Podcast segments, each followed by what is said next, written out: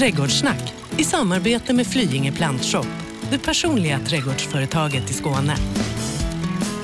Ja, var det dags för ännu ett avsnitt av eh, Sveriges och Skånes nya trädgårdspodd Trädgårdssnack där vi har tagit oss igenom olika säsonger. Vi har varit eh, i bambudjungeln, vi har eh, smakat på trädgården och vi har pratat färg och form förra veckan. Och nu den här frågan som vi har ställt som en cliffhanger sen vi startade igång. Har storleken betydelse? Välkommen Annika. Tack så mycket. Ja, svar på den frågan. Absolut. Och jäklar. Jaha, ja ja. Det var ju kört. Eh, eh, Men betyder storleken då i trädgården, eh, hur tänker vi där förresten? Ja, alltså det beror, det beror på vilken storlek man pratar om. Men när jag pratar storlek så kan det vara lite olika saker. Det kan dels vara varför ska man välja en större, alltså äldre planta framför en mindre?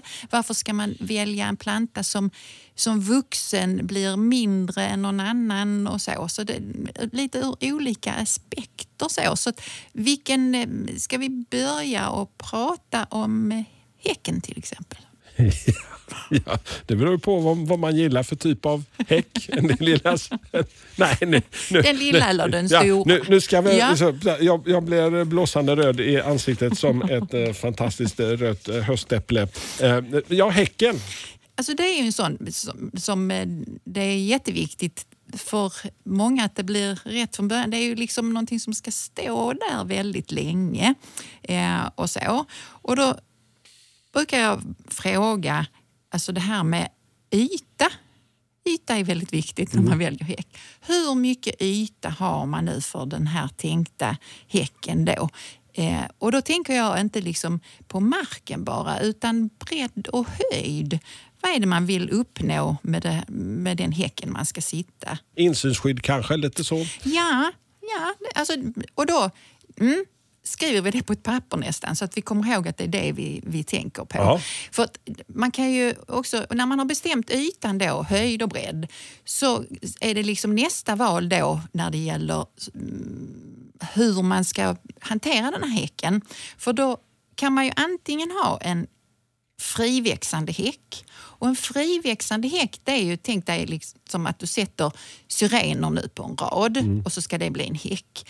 Syrener blommar ju vackert ehm, och då är det kanske blomningen man är ute efter då är det ju en häck som man inte ska klippa för att den ska bli smal för då kanske du förlorar all din blomning. Så då är det ju inte ett bra val om man vill ha en klippt smal häck. Utan vissa buskar är ju bättre att ha som friväxande häckar då. Om man an, å andra sidan har en liten yta att avsätta. För syrenen kan ju liksom bli både två och tre meter bred.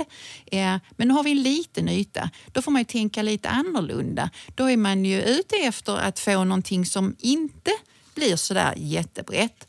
Eh, och då är det ju kanske liguster eller avenbok eller något sånt som man kan klippa in och hålla väldigt slankt för att ytan är liten. Det, det, är ju så att när den är helt splitter ny, mm. då är det lite, lite lättare. Vi kommer väl kanske komma mer mm. till framöver här, hur, när den väl är väl uppväxt. Ja. Ja. För att det kan ju bli lite så, en, en lite äldre till exempel ligusterhäck mm. kan ju bli, bli alldeles eh, risig nästan om man inte Nej. sköter den väl. Ja, just det.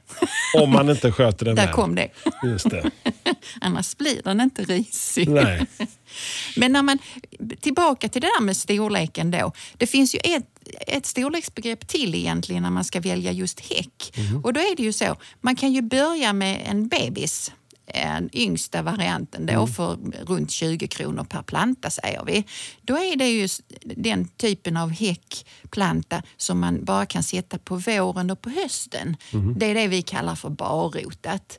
Då är det liksom ett budgetalternativ. Det kan ju bli precis lika stor eller vacker och friväxande häck som någonting annat men den kostar ju mindre självklart.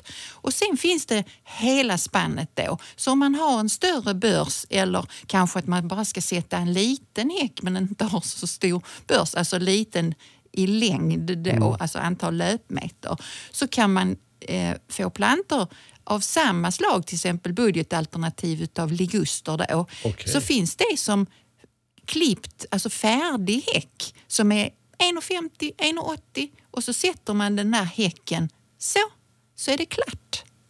Så man så, kan, man kan mm. köpa, alltså en, köpa sig förbi allt det där mäcket liksom, ja. genom att få den där... Ja, och det finns mer än diguster. Alltså det finns bok och avenbok och, och så också. Så att, eh, det är bara det, vet man inte om det så, så eh, kanske man inte frågar efter det. Men, men så är det i alla fall. Är det, svår, är det svårare att ta den där som är, har kommit en bit på väg i sin tillväxt och, och, och, sätta en versus den här lilla som du får ta hand om och nej, som en liten bebis? Nej. Alltså egentligen är det inte det utan ibland är det till och med en fördel att välja lite äldre plantor.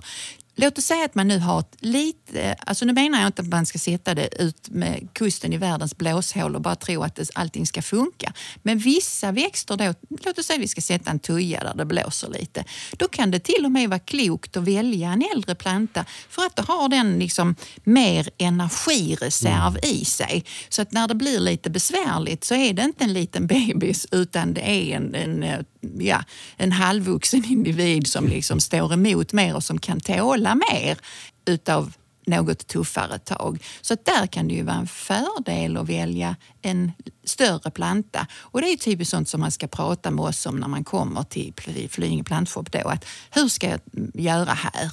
Eh, och, och, då kan man ju säga sånt. Eh, ja, vi har en liten budget. Hur löser vi detta? Vi skulle gärna vilja ha. Eller vi eh, vill absolut lösa det här till... Eh, ja, om två veckor ska det vara klart. Eh, så försöker vi hjälpa till med det och välja liksom storlek och, och när det har betydelse. Man, Men ni har sådana här stora rejäla häckplantor på mm. lager också? Alltså det finns ju en del, men det är inte så att jag kan sitta och säga att allting finns alltid. Utan en hel del Eh, om man ska ha lite mer så måste man beställa. Så man får vara ute i, i, i, lite god tid ibland. Men om du ska ha, låt säga du ska skärma in ditt nya trädäck som är tre meter brett och så vill du ha en färdighäck där. Alltså då finns det många lösningar eh, på det. Eh, att, mm, men så här. Men vad är det kritiska skedet när man eh, tar hem sin lilla häckplanta, stor som liten, och sätter ut den? Liksom för att just själva flytten från plantskolan med en stor mm. och så pela ner den och med mm. rätt jord och allting där. Mm. Jag känner mig som att nu när vi har gjort några avsnitt så återkommer jag ständigt till detta med jorden och mm. etableringen. Men jag tar det idag igen för jag, det känns som att det är väldigt Repetition är lärdomens moder, ja, brukar jag säga. Så. och lite viktigt att förstå att om man nu kommer hem med en planta som har en kruka som är stor som en papperskorg, säger vi ungefär. Och då behöver man ju gräva ett ganska så brett eh, hål för att den ska gå ner. Ja, Men egentligen så behöver du ju luckra och gräva ännu mer på bredden. Mm. Inte på djupet så mycket, men på bredden. Så att man luckrar. Och det behöver du ju för bebisplantan också. Mm. Så den här luckrade nyt, alltså jordförbättrade ytan bör vara någonstans från, om du tänker dig centrum på din planta nu, 40 centimeter ut åt alla håll. Då har du liksom buffrat för att den här växten ska kunna ta sig ut i livet och mm. växa på. Och på den ytan så ska det ju då helst inte vara vare sig ogräs eller gräsmatta eller något annat för den men, delen. Men själva, när du väl har kommit dit där Annika och du mm. har fått ner den och mm. du har mm. grävt mm. in eh, runt på en 40 mm. centimeter. Mm. Är det något annat som, så här, som man stänger på första tiden, vattna och så vidare? Ja, så, va? vattna, Såklart. vattna, vattna. Och det är ju självklart, kommer man hem med en växt i mars Mm. så har den kanske inte så mycket blad nu. Och då behöver man ju vattna igenom när man sätter den och så. Men den förbrukar ju inte så mycket vatten som den gör om du sätter den idag. Mm.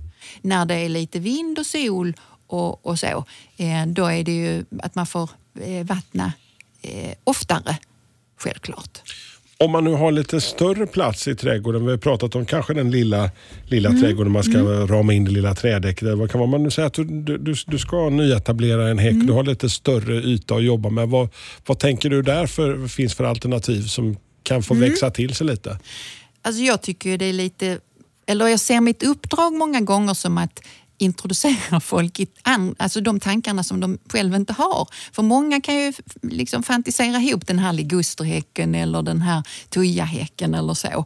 Men jag gillar ju att ge lite annorlunda förslag. Så om man nu har större plats säger vi och så har man en jord som är lämplig för det här jag säger nu. Till exempel varför inte ha en häck utav typ parkrododendron. L lite större, Yes. svulstigare rhododendron. Ja, alltså då får man en bred häck. Och nu så pratar vi om någon som hade plats då. En bred häck som kanske är två, tre meter bred och lika hög och så. Och så är den städsegrön och så. Nu förutsätter ju det självklart att man har en jord som lämpar sig för rhododendron. Men här i Sverige så är, använder vi inte så ofta rhododendron som häck. Men det är hur vackert som helst. Och åker man till andra sidan sundet eller neråt södra Tyskland och så, så börjar man se det överallt. Eh, Men vi har ingen tradition för det. Men, men det är en mm, alldeles utmärkt Men häck har storleken kan- betydelse, storleken på tomten och sånt också då. Ja, precis. Så där, där har vi storleksbegreppet igen. Exakt. En annan sån här lite maffig häck som man kan ha, det är ju bergbambu. Ja, det pratade vi sist Ja. om i, i bambuavsnittet. Att Ja. i Danmark så har, ser man Ja. lite oftare. Inte i det allra blåsigaste läget, för ibland så säger man att ja, men bambu oh, det kan man ha som vindskydd. Och det kan man ju självklart ha, men bambun kommer inte gilla att man självklart har det som vindskydd. Den blir, ser taffligare ut på vintern än vad den vill om man sätter det i ett vindussatt läge. Man kan till och med få skador på dem som inte den riktigt eh, hämtar sig ifrån. Men det finns fantastiskt eh, vackra bambu som går alldeles utmärkt att ha som häck. En som jag bara älskar det är en som heter Red Zebra. En sort av bergbambu då. Det är viktigt att man tänker på att bergbambu kanske är det som är lämpligt att ha som häck för den sprider sig inte med sån här rotlöpare utan den håller sig liksom ungefär på den ytan där man har satt den. Men den här Red Zebra, den är liksom randig i de här nya skotten då så det blir väldigt effektfullt. Det händer saker med den under säsongen då. Men den, den eh, går också att få tag på i lite halvfärdigt skick och Ja, ses ja. på plantshoppen också. Så man Det är inte, lite sån quick fix. ja, så man behöver inte börja från fulla scratch där med Red Nej, Zebra. nej, utan eh, där finns de som är ja, sådär runt ena, två meter höga. Och är en luckor och vällnad och så, så växer de på med en, ja, en 40-50 centimeter per år i ny höjdtillväxt. Så, Så det, det lite ibland. bambu och parkrododendron. Finns Mm. det något mer man kan hitta i, i, i den genren? Större? Därför, alltså, min favorithäck bland barrhäckarna är ju hybrid-idegran. Det finns en sort som heter hilly. Eh, Den eh, sätter inga bär, för många är ju oroliga för det här med, med Ja, idegrans idegran bär, brukar ja. sån lite, lite halvskröna. Och så, nu säger vi en gång till att eh, man ringer giftupplysningen om man är lite bekymrad om man Ja. har stopp, stoppat, stoppat i sig. Så har vi sagt det också. men, men den här eh, hybrid-idegranen hilly då, den använder jag gärna, eller föreslår jag gärna som häck. Kruxet är ju lite där att den växer ju lite långsamt jämfört med vissa tujor till exempel. Så att där blir det ju rätt så kostsamt om man sätter stora storlekar. Men det behöver jag ju inte bekymra mig om för kommer det, kommer det någon och frågar mig och så säger de att vi ska ha en häck spelar liksom ingen roll eh, hur mycket Money pengar det no option, Då kan vi vi. fixa alltså, stora ex av det också. Men det är inte något som står i mängd i plantskolan. Men, men, eh, Det går och det finns små också. Om man nu faller för idén att ha en fantastiskt vacker barrhäck. Och då har vi tänkt den eh, stora tomten. Då Mm. tänker vi den lilla tomten om man har lite mindre yta men man vill ändå Mm. få till den där häcken för att skapa någon form av avskärmning eller vad man nu har för syfte. Mm. I, eh, det finns något som heter bukettapel, en sort som eh, Eskilstuna. Och det är en e-planta. Det vet jag inte om jag har pratat om någon gång. Nej. Eh, Nej, Eh, e-planta, när det sitter liksom en, en lapp eller en, en etikett på plantan där det är stort E så är det svenskodlade plantor som är framtagna så att säga, för svenska förhållanden och ur, ett friskt material och provodlade och så. Så att det är en väldigt bra kvalitetsbeteckning. Det finns eh, väldigt mycket fruktträd men även Okej. en, en hel del annat. Så, liksom, finns det alternativ man vill ha som e-planta, då rekommenderar jag absolut att man köper det. Ja, eh, så att den här Eskilstuna, den finns som e-planta då, den bukettapen.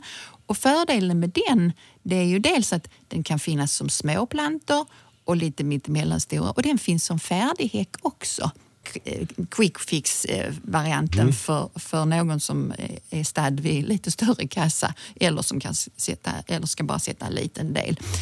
Då är det en, en äppelsläkting, det hörs nästan på namnet. Och den blommar med söta blommor på våren och sen sätter den små, små äpplen på hösten och tonar lite i gult. Den gillar jag väldigt mycket oavsett om den är friväxande då den blir ungefär eh, ja, en och en halv meter bred och knappt två meter, en och en halv, två meter hög. Bukettapel. Ja, den är jätte, jättesöt och alldeles utmärkt som häck. Har man nu väldigt smalt, för det finns det ju de som har. Nu har vi liksom en och en halv meter och sen så har vi inte mer plats och så ska vi passera och gå på den här en och en halv metern också.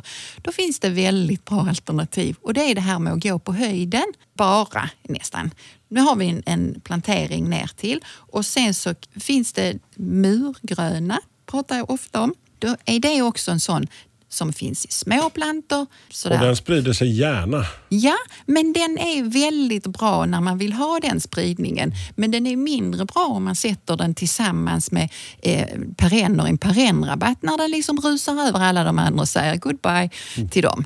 Eh, det är inte så smart. Om man har en smal liten yta och ska ha in en, en, vad ska man säga, en helt grön sektion eller del där, då är den alldeles utmärkt. Den ska ju vara har där du någonting själv. att stötta upp den på då, liksom man får mm. klättra? Mm. Alltså, då kan man ju antingen fixa sig en, en spaljer eller så, men det finns också den här eh, snabbvarianten då. Då köper man hela kittet. Tänk dig nu att du har en, en liksom, typ låda ner till som mm. går upp som ett, som ett spaljéstaket och så är det antingen en meter högt eller 1,80 högt. Så placerar du ner det så är det 1,20 brett. Då planterar du hela det här stallaget i så som det är och så har du det här 1,80 höga insynsskyddet med en gång. Om man ska göra det här, då måste man ha något att fästa det i. För självklart, blåser det minsta lilla så kommer ju detta att, och välta. Så att det är inte meningen, utan du reglar ju upp det som om du skulle bygga ett motsvarande högt plank. Så stolpar och sen skruvar man fast det här och då är det liksom klart. Men det kan man ju självklart göra själv också om man nu vill det. Att man börjar med mm, ja, någon typ av spaljéanordning och sen sätter man små plantor av murgröna. Det blir ju samma sak i slutänden. Men det är ju så att vi har alltid när det ska hända så ska det hända nu. Och har man då har man, har man då några kronor över i kassan så får du väl kösta vad det kösta vill då ibland. Ja, ibland så, så är det ju så. Och sen är det ju klart någon som när man säger vad det kostar blir liksom oj, var det så mycket? Men, men just de här murgröneskärmarna, om man då räknar på om man skulle göra ett, ett eh, insynsskyddande plank istället så är där inte skillnad längre. Nej. Så det beror på vad man liksom är ute efter. Välkommen till Flyinge Plantshop, ett riktigt gardencenter där kunskap, kvalitet och service är en självklarhet. Bara tio minuter från Lund finner ni allt från perenner och buskar till stora träd, jord, gödning och tillbehör. Nu har vi även öppnat ett mysigt café där ni kan sitta ner och njuta, både ute och inne. Beställ från vår nya kafémeny. Kaffe, kakor, smörgåsar eller fräscha sallader. Välkomna till Flyinge Plantshop, drömmen för alla trädgårdsälskare. Häckar täcker vi in lite grann där. Ett annat då när man har den lilla nya trädgården eller gjort en makeover på den lilla 70-talsträdgården och man vill ta och eh, smälla upp någonting som faktiskt växer till sig snabbt och som är rejält och maffigt. Buskar, tänker jag liksom mm. lite grann. Det, då tänker man... du att de ska stå alltså som friväxande då. Varje ja, buske precis. ska få lov att växa så det knakar. Det är precis, det du... och där har storleken absolut, där finns inga begränsningar alls. På busken då alltså? Nej, nej just det. Um, då eh, gör vi ett, ett mixat buskage då av olika buskar tänker jag. Så kan man ju, om man nu när jag beskriver det här kanske hitta sin buske. Men annars så är det rätt trevligt. Har man stora ytor man vill skapa eh, insynsskydd och lä eller något sånt där så, så kan det vara trevligt att mixa ihop en massa saker. Så till exempel eh, om vi börjar med, det finns en forsythia som jag gillar som heter Northern Gold. Forsythia vet du, den blommar ju med gula blommor på, på våren då och den här är ju intensivt gul. Alltså jag blir ju glad av det på våren för då saknar jag väldigt mycket att det ska det måste börja hända någonting i trädgården och då syns de ju som facklor på långt håll. Då blir jag glad. Och sen en annan sak med den här försyten, att den, sätter, alltså den får ju höstfärg. Det tänker man inte alltid på. Att vissa växter de har ju flera kvaliteter. Det är inte bara blomningen utan det kan vara andra saker som är vackert och den har höstfärg. Och den växer på bra. Eh, det gör eh, rysk kornell också. Det finns andra korneller du vet, med såna här färgade grenar. Mm. Mm. Sätter ju lite fart på den här eh, planteringen som nu ska växa som 17 på vintern också när det är avlövat. Har man stora ytor så hade jag satt tillsammans ett gäng sådana där så det blir riktigt, liksom, åh, det syns. Mm. Så att inte den eh, en sån vimsar in mitt ibland allt det stora för då syns den inte så bra. Den kan ju få höstfärg eh, också. Det finns en buske som heter smällspirea som växer på riktigt rejält. Lite roliga varianter på den. Det finns olika namnsorter. Du vet när det är sånt eh, små komma i luften kring den sista delen ja, av en, ett, en växt. Eh, namn. Och då finns det namnsorter. Så där finns till exempel en sort som heter eh, Diabolo som är rödbladig. Det finns vanlig eh, gröna blad. Det finns gulbladig smällspirea. Och gemensamt för dem är att de är ganska tåliga och de växer på snabbt skulle jag vilja säga. Och om man då inte tar, där finns några som har små, små blad de tycker inte jag växer på lika fort så de hade jag inte använt där. De blir ofta lite lägre också. En annan sån som ränner iväg fort det är skärmtry, skogsolvon. Så det, ja, alltså, det, där är, alltså, det är ganska många. Alltså, skogsolvon är ju jättefina. Vi. Så att det, fin det, finns lite, lite som man kan få ganska så snabbt effekt liksom i ja, trädgården? Ja, när man har större ytor så är det såna här buskar man ska leta efter. För då, Om du har det lilla nybyggda huset till exempel och behöver få någon, någonting som verkligen markerar att här har det hänt någonting. Det blir annars lite trist sådär liksom i början mm. när man har flyttat in mm. på, på, på en helt ny trädgård. Men där ska du nog tänka, hur blir detta när det blir vuxet? För det, det är ju lite Om man nu har en liten, en liten trädgård och så tänker man att nu måste det hända någonting. Då, då tänker jag mer att träd, för då får du ju upp någonting i luften, det blir höjd och det liksom syns. Att köpa en buske som växer på som, som en tok och sen så täcker du in en tredjedel av tomten med den busken så får du ta bort den sen. Men om du tänker träd för att göra dig den tjänsten att det ska synas att nu har du flyttat in och satt liksom din stämpel på ja. den här trädgården. Så är det, då hade jag hellre satt något högt. Alltså, Inte lika snabbväxande men ändå. För det är ju, åter tillbaka då till storleken. Ja. Mm. När vi nu ska sätta det här trädet så finns det ju även storlekar där. Då finns det små träd, ibland kallar man det som grupp liksom prydnadsträd. Det är ganska vanligt. Då har man en, en liten stam som går upp ungefär i midjehöjd och sen så har man satt, kanske en, eh, alltså ympat in eller mm, jag puttat på en liten buske där uppe. Ett sånt litet träd, det håller ju sig liksom i midjehöjd där och det kommer inte göra dig den tjänsten som du är ute efter, att liksom det ska synas att du har flyttat in här. Utan det mutar ju bara in en yta ganska lågt. Eh, och då tänker jag, då kan man kanske ha en buske istället. Men, men tänk dig att du sätter ett träd. Nu är stammen högre än du. Då är det vad vi kallar i min värld för högstam.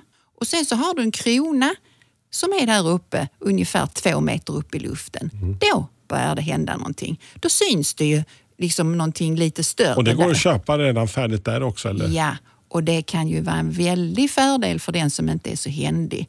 För budgetvarianten där då, Självklart är det dyrare att köpa det här trädet som har en sån hög stam från början för att det har tagit längre tid att odla fram det. Men budgetvarianten är ju då att köpa ett så kallat ungträd. Då har det liksom eh, inte någon stam, alltså det har ju vuxit rakt så, rakt upp. Nu visar jag med handen vad dum jag är. Men det är jättebra, det är ungefär som danskurs på radio. jo, nu har den här stammen eh, den växer uppåt och sen så är det ju grenar som sitter kvar längs hela vägen. Så att det trädet får du ju själv liksom lära dig hur du ska beskära det och få, okay. få upp det. När man köper ett högstamsträd, då har ju någon annan redan gjort det som kan det. Eh, så slipper man undan det. Eh, men det finns en budgetvariant för det här med, med med yngre träd också.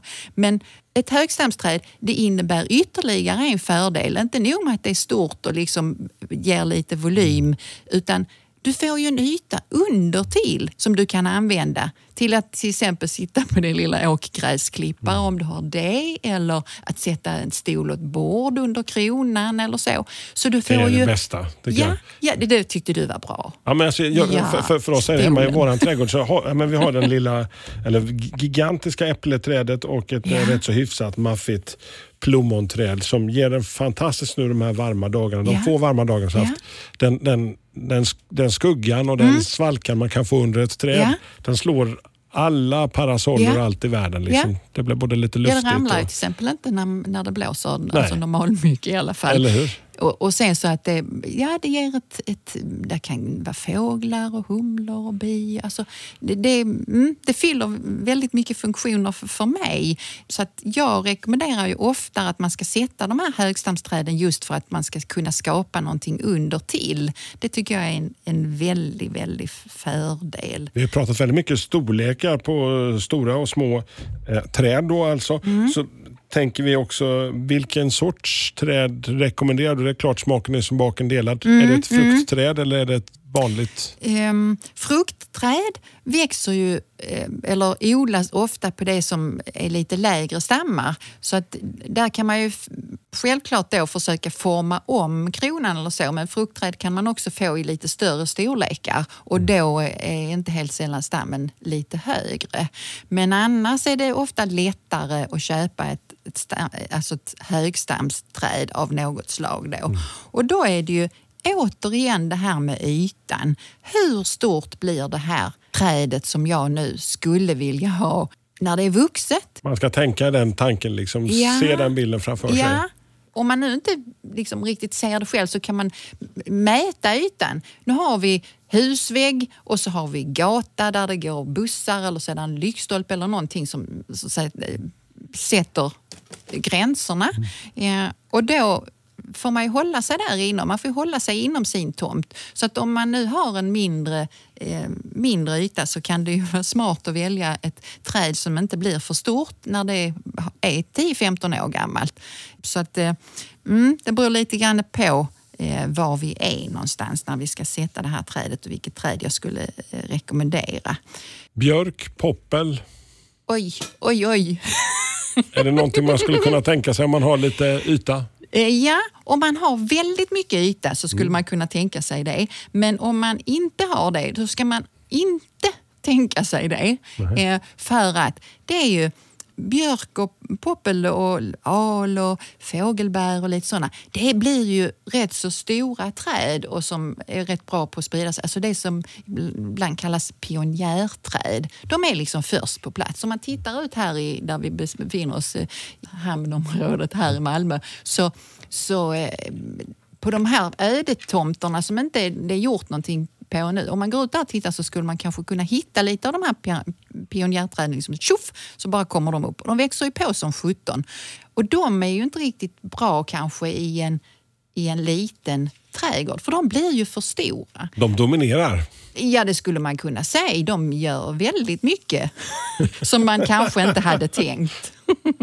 När du får oväntat besök. Ja, man kan få väldigt många besök. En poppel liksom som fröar av sig eller en, eh, ja, en björk som växer på som bara den. Alltså det var kanske inte riktigt vad man hade tänkt sig för någonting. På temat plötsligt händer det.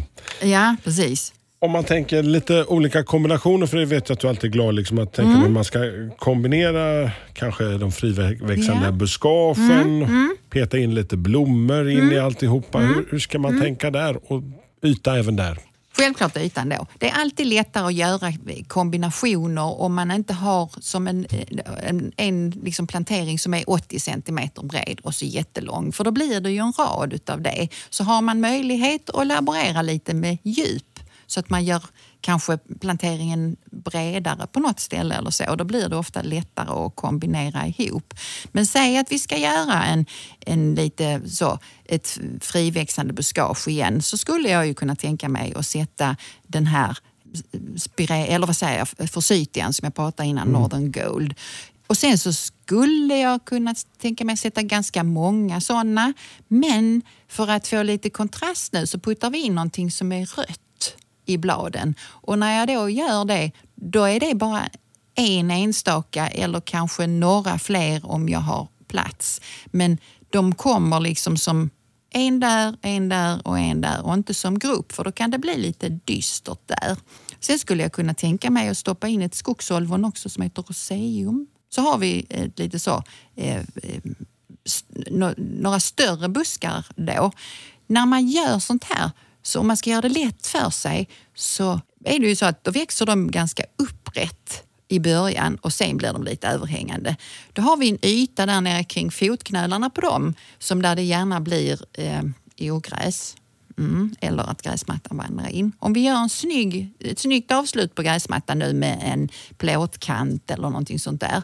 Så inne, alltså innanför den här plåtkanten så kan man proppa igen vid de här stora buskarna då. Så på södersidan så skulle jag kunna tänka mig att proppa igen med en mm, rosenspirea. Det finns en som har en väldigt eh, fin eh, höstfärg det blommar sent. Antoni Water till exempel. Anthony Water. Ja, och sen så där det är lite mer skugga då. Vi har ju en baksida på det här kanske, eh, eller en skuggsida. Mm.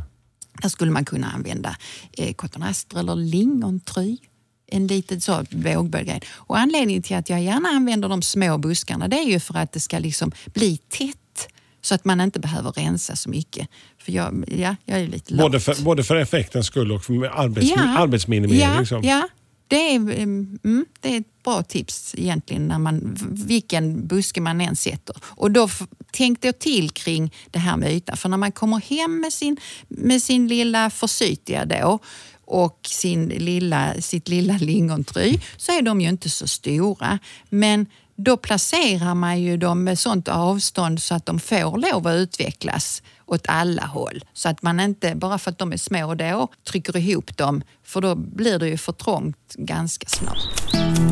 Veckans fråga i Trädgårdssnack. Veckans fråga den kommer från Susanne i Påarp. Hon har eh, skickat ett litet meddelande till oss och frågar så att någon har skadat barken på mitt träd. Kommer det att dö? Hur ska vi tänka där? Eh, vi vet inte mm. vad det är för träd här för övrigt, men vi ska försöka besvara här Susanne. Ja. Ja, alltså, skador eh, på trädstammar det är ju jättetråkigt. En vanlig skada är ju när man kör med trimmer. Oh, ja, den ja. gamla klassikern. Så vill man inte ha de här tussarna kring och så kör man med trimmern och så slår man av liksom det yttersta skiktet på, på trädet då och ringbarkar det. Liksom. Då får eh, trädet inte problem samma vecka men senare då, ett år senare så börjar man se att oj, oj, oj, här har hänt någonting. Har man då otur så har man slått bort alltihopa och då, ja, då kan ju trädet dö då. Men om det nu inte är skador liksom runt hela, då tycker jag att då ska man absolut låta trädet stå kvar och se vad som händer. För väldigt mycket kan ju läka sig. Bara eh, vad ska man säga, eh, näringen kan liksom passera upp och passera ner så kan trädet stå stilla faktiskt både ett och två Så man behöver inte dra igång hjärt-lungräddning direkt där liksom? Mm, man liksom ser, åh detta, detta kommer nog att, att gå då. Så lite extra omvårdnad. Inte in med något ogräs eller någon annan liksom sån stresspress på det här lilla trädet då. Men låt det stå kvar för det, det, är inte säkert alls att det dör utan det kan läka sin skada eh, och då, då kommer det igen. Så, eh, Jag märker mm. mitt gamla fruktträd, mitt gamla äppelträd som ofta kommer dragandes med det, det, det, det, barken, det är som liksom, du vet, så nästan som har fått växtverk. Den börjar bli det är så gammalt och stort mm. så att det börjar liksom krackelera lite mm. grann i mm. barken. Liksom. Mm. Vissa, vissa träd får ju som uppsprucken bark och om du tänker, du tänker dig en tall eh, som är gammal, då är det nästan som plattor, som ett megastort ödle eller sån krokodilpansar. Ja, alltså, så träd kan ju se väldigt olika ut i barken men just ett äppelträd, alltså det finns ju väldigt gamla äppelträd som ser skrutt ut men som ändå bär frukt och, och så. Så jag tycker att mm, det är tråkigt om man får skador men det behöv, alltså man behöver inte ta bort ett träd bara för att det ser lite skrutt ut i barken utan det gäller väl snarare att kanske Skönheten kommer inifrån. Åh, det var rart. ja, Susanne, hoppas att du fått lite, så det är lite tålamod Susanne och en, en, eh, en god portion omvårdnad och mycket kärlek till ditt träd så ska det nog reda sig. Vi har lite fix här just i denna tiden. Eh, vi är i slutet av juli månad att göra i trädgården. Vi pratade mm. jasbeskärning mm. förra veckan. Ja, och det... Eh, Fortsätter vi med? Ja, alltså det är ju nu man ska ut och, och, och kolla om man behöver eh, glesa ur sina buskar. När jag är ute på mina konsultationsbesök så är det nästan ett av de vanligaste sakerna jag ser att man inte man har valt att beskära liksom i den här lagomhöjden. Du vet när man går ut med häcksaxen och så klipper man alla buskarna som ser ut som ägg. För att då kan man ju stå upp ganska bekvämt och så. På, i, på lång sikt är det ingen, ingen bra beskärning för, för buskar generellt utan det är bättre eh, att gå ut nu under JAS-perioden då och grena ur. Och då menar jag att man böjer sig så pass mycket så att man är väldigt nära marken och så klipper man bort de äldsta grenarna i busken oavsett om det är en forsythia eller om det är en spirea eller vad det nu än är för någonting. Och det gör ju att då släpper man in ljus och luft i busken och då slår busken nya fräscha skott ända nerifrån. Och då kan den fortsätta och, och hålla sig frisk. Nu. Ja, det, det tycker jag att man ska göra. Så har man lite semester här nu så finns det ett uppdrag som man kan ta sig an. Och det är liksom att grena ur alla möjliga olika buskar. Då, så att de kan man jobba det och varva det med att rensa garderoben eller så här, de andra klassiska? Nej, men det slipper man. Semester, just det. Ja, där har vi svar på tal. Vi fortsätter och jasbeskära gissar jag nästa vecka också. Men framförallt nästa vecka så är allt uppåt väggarna. Mm. Så är det. Vad handlar det om? Åh, oh, nu är hon pillemarisk. Ja, alltså uppåt väggarna. För mig handlar det ju jättemycket om klätterväxter. Men vi kan väl prata om alltså, sådana saker som man kanske inte alltid gör med klätterväxter också. Så det, ja, det kommer att handla om sådana som, som klättrar. Nästa fredag släpper vi nästa avsnitt. Varje fredag släpper vi ett nytt avsnitt av Trädgårdssnack. Då är vi tillbaka. Trädgårdssnack i samarbete med Flyinge Plantshop det personliga trädgårdsföretaget i Skåne. Dina händer är viktiga verktyg för arbetsdagen. Så den här veckan har vi 25% rabatt på alla skyddshandskar hos Swedol. Ja, visst, passa på! Kika in i din närmsta butik eller handla på webben. När du köper skyddshandskar, välj Swedol för säkerhets skull.